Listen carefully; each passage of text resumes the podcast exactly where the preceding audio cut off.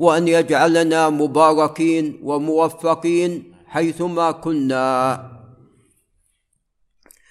قال المصنف رحمه الله تعالى وهو مجد الدين عبد السلام بن عبد الله المعروف بابن تيمية الحراني. قال في كتابه المنتقى من أحاديث الأحكام وهو لا يزال في الأبواب التي تتعلق بالمواضع التي يشرع فيها الصلاة والمواضع التي لا يشرع فيها الصلاة. فقال رحمه الله باب صلاة التطوع في الكعبة. صلاة التطوع أي خلاف الفريضة وأين في الكعبة؟ فيقول إن هذا مشروع وهو أن الإنسان يصلي النافلة في الكعبة يصلي ركعتين يصلي أكثر إن تيسر له ذلك. ومعنى هذا أن الفريضة لا تشرع في داخل الكعبة وهذا يذهب إليه بعض أهل العلم. فبعض أهل العلم يمنع من أن تكون الفريضة تؤدى في داخل الكعبة. ويقول إن النافلة فقط هي التي تجوز. ما الدليل على ذلك؟ قال الدليل على ذلك أن الرسول صلى الله عليه وسلم في فتح مكة دخل داخل الكعبة وصلى ركعتين. فريضة ولا تطوع؟ تطوع. صلى ركعتان تطوع. صلى ركعتين عفوا تطوع وليس فريضة. قالوا والفريضة لم يأتي أن الرسول صلى الله عليه وسلم صلى داخل الكعبة. لكن يقال إذا جازت النافلة فالفريضة ماذا؟ نعم أيضا كلها صلاة. كلها صلاة.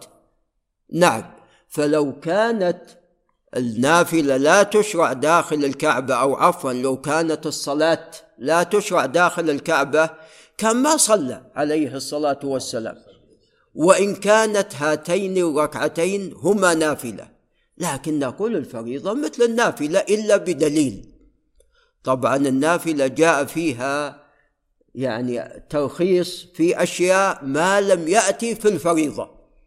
منها لعل الشيخ محمد العتمي ينتبه ممكن تصلي وأنت جالس. الفريضة إذا كنت قادر يجب ولا ما يجب؟ يجب قوموا لله قانتين. النافلة أيضا يجوز في السفر أنك تصلي لغير القبلة. الفريضة لا. النافلة يجوز أن تصلي وأنت راكب. كما كان عليه الصلاة والسلام يصلي على دابته الفريضة لا. لكن الأصل باقي الأحكام. النافلة والفريضة ماذا؟ سواء. هل يجوز أن تؤدى النافلة بدون طهارة؟ لا. هل يجوز أن تؤدى النافلة بدون ركوع وسجود؟ لا. هل يجوز أنك تخرج من النافلة بدون سلام؟ لا. ف فهي مثل الفريضة. ولا يخرج عن هذا ولا يخرج عن هذه القاعدة إلا بدليل. طبعا هناك فروق كما تقدم ذكرت بعضها وفيه غيرها. نعم من الفروق. وقد ذكر شيخنا الشيخ محمد بن عثيمين رحمه الله فروقا عديدة لكن الأصل كلها صلاة. هذا هو الأصل. والاشت... وما يشتركان فيه من الفريضة والنافلة الأشياء التي يشتركان فيها أقل ولا هي الأكثر. هي الأكثر. صلاة كل كلاهما صلاة. نعم. فيقال أن أيضا الصلاة في الكعبة مشروعة. نعم. قال عن ابن عمر رضي الله عنهما قال دخل رسول الله صلى الله عليه وسلم البيت أي الكعبة هو وأسامة بن زيد بن حارثة رضي الله تعالى عنهما وبلال بن رباح وعثمان بن طلحة الحجبي. الشيبي. نعم. لأن كان المفتاح عندهم. قال فأغلقوا عليهم. الكعبة كما تعلمون لها باب تفتح. يفتح هذا الباب وتدخل ممكن أن تغلقه. ف أغلقوا عليهم. يعني حتى لا يحصل تشويش يدخلون يعني كثر من الناس فيعني قد تضيق عليهم.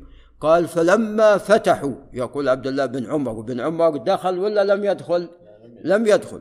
قال فلما فتحوا كنت أول من ولج. فلقيت بلالا أول من ولج داخل الكعبة. فلقيت بلالا فسألته هل صلى فيه رسول الله صلى الله عليه وسلم؟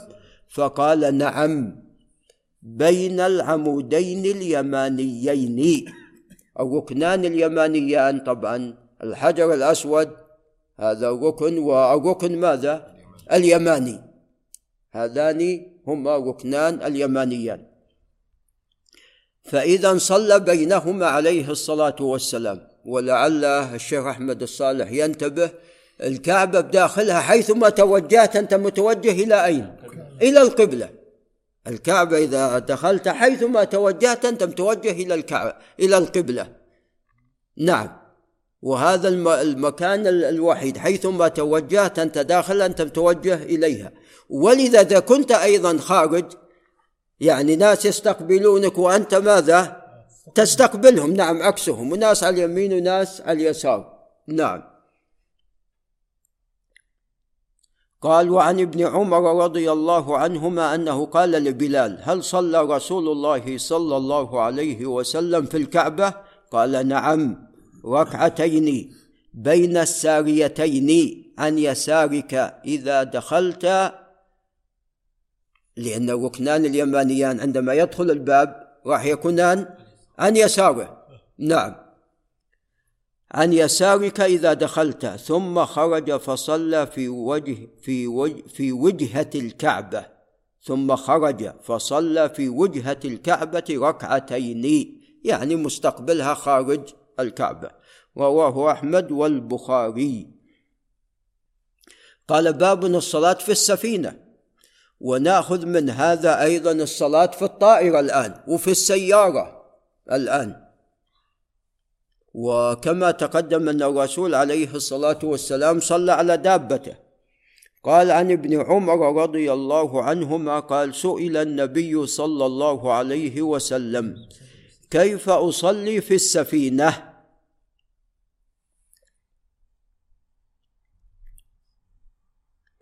قال صل فيها قائما. الفريضة لابد أن تصلي قائم. إلا أن تخاف الغرق. نعم وخاصة في السفن الصغيرة. نعم. وهو القارب القارب الصغير. إذا كان خاصة الموج يعني له حركة يخشى أن الإنسان ماذا؟ ينقلب يسقط في الماء. إذا كان القارب صغير وأما الآن تعلمون في سفن الآن كبيرة كأنك على اليابسة. وهذه السفن بعضها فيها مطارات. وفيها مطاعم وفيها وفيها.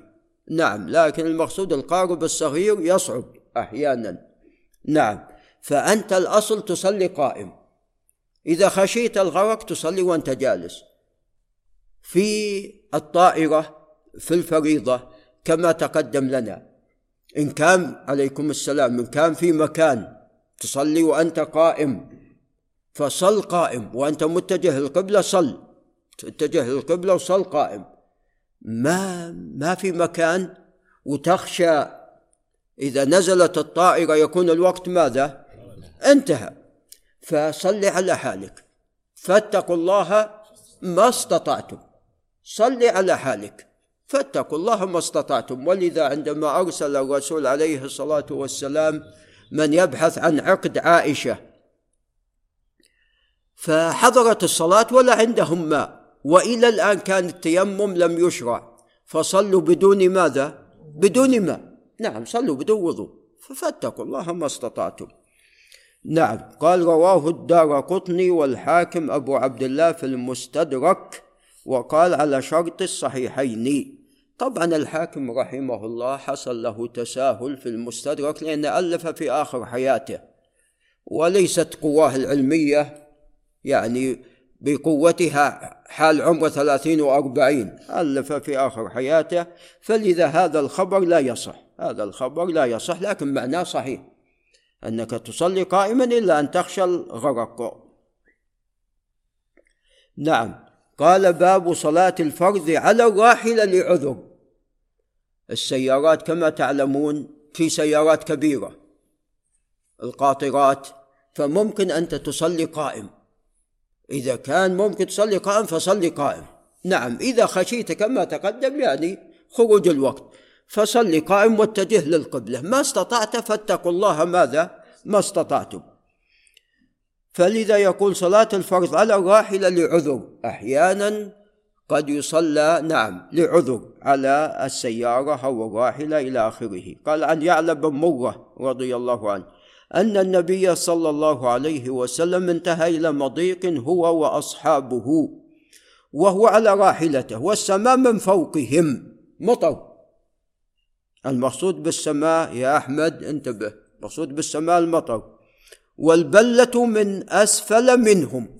ينزل مطر من الأعلى والبلل الماء على الأرض. نعم. قال فحضرت الصلاة. فأمر المؤذن فأذن وأقام. ثم تقدم رسول الله صلى الله عليه وسلم على راحلته فصلى بهم. يومئ إيماء يومئ إيماء. يجعل السجود أخفض من الركوع. رواه أحمد والترمذي.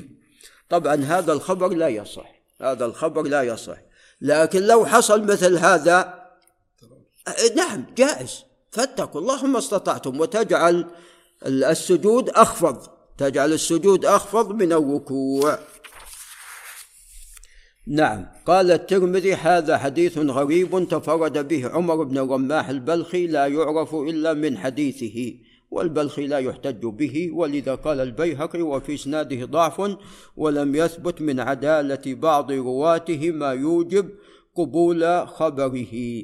قال وعن نعم قال المصنف وإنما ثبتت الرخصة إذا كان الضرر بذلك بينا. راح يتضررون لو بيسجدون على الطين والماء يتضررون. ومن الصعوبة بمكان أن الإنسان يسجد على ماء وطين. نعم. قال إذا كان الضرر بذلك بينا فأما اليسير شيء يسير فلا فلا يعني لا بأس. روى أبو سعيد الخدري رضي الله عنه قال رأيت رسول الله صلى الله عليه وسلم يسجد في الماء والطين حتى رأيت أثر الطين في جبهته. متفق عليه. كان معتكفا عليه الصلاة والسلام في رمضان. فقال إني رأيت أن ليلة القدر في صبيحتها أسجد في ماء وطين. فجاءت ليلة 23 وكان السماء صحو. ثم جاءت قزعة فأمطروا. فكان مسجد عليه الصلاة والسلام عريش فنزل بعض الماء نعم داخل المسجد. بس ماء يسير نعم. فعندما صلى وانصرف هو داخل المسجد. عندما صلى وانصرف كان أثر الطين عليه الصلاة والسلام على جبهته وارنبه أنفه. عليه الصلاة والسلام. فهذا شيء ماذا؟ كثير ولا يسير؟ هذا شيء يسير. فلا يمنع أنك تسجد على هذا الشيء اليسير. إيه كما تقدم إذا كان ماء طين واجد آه، صل على على الدابة أو على السيارة.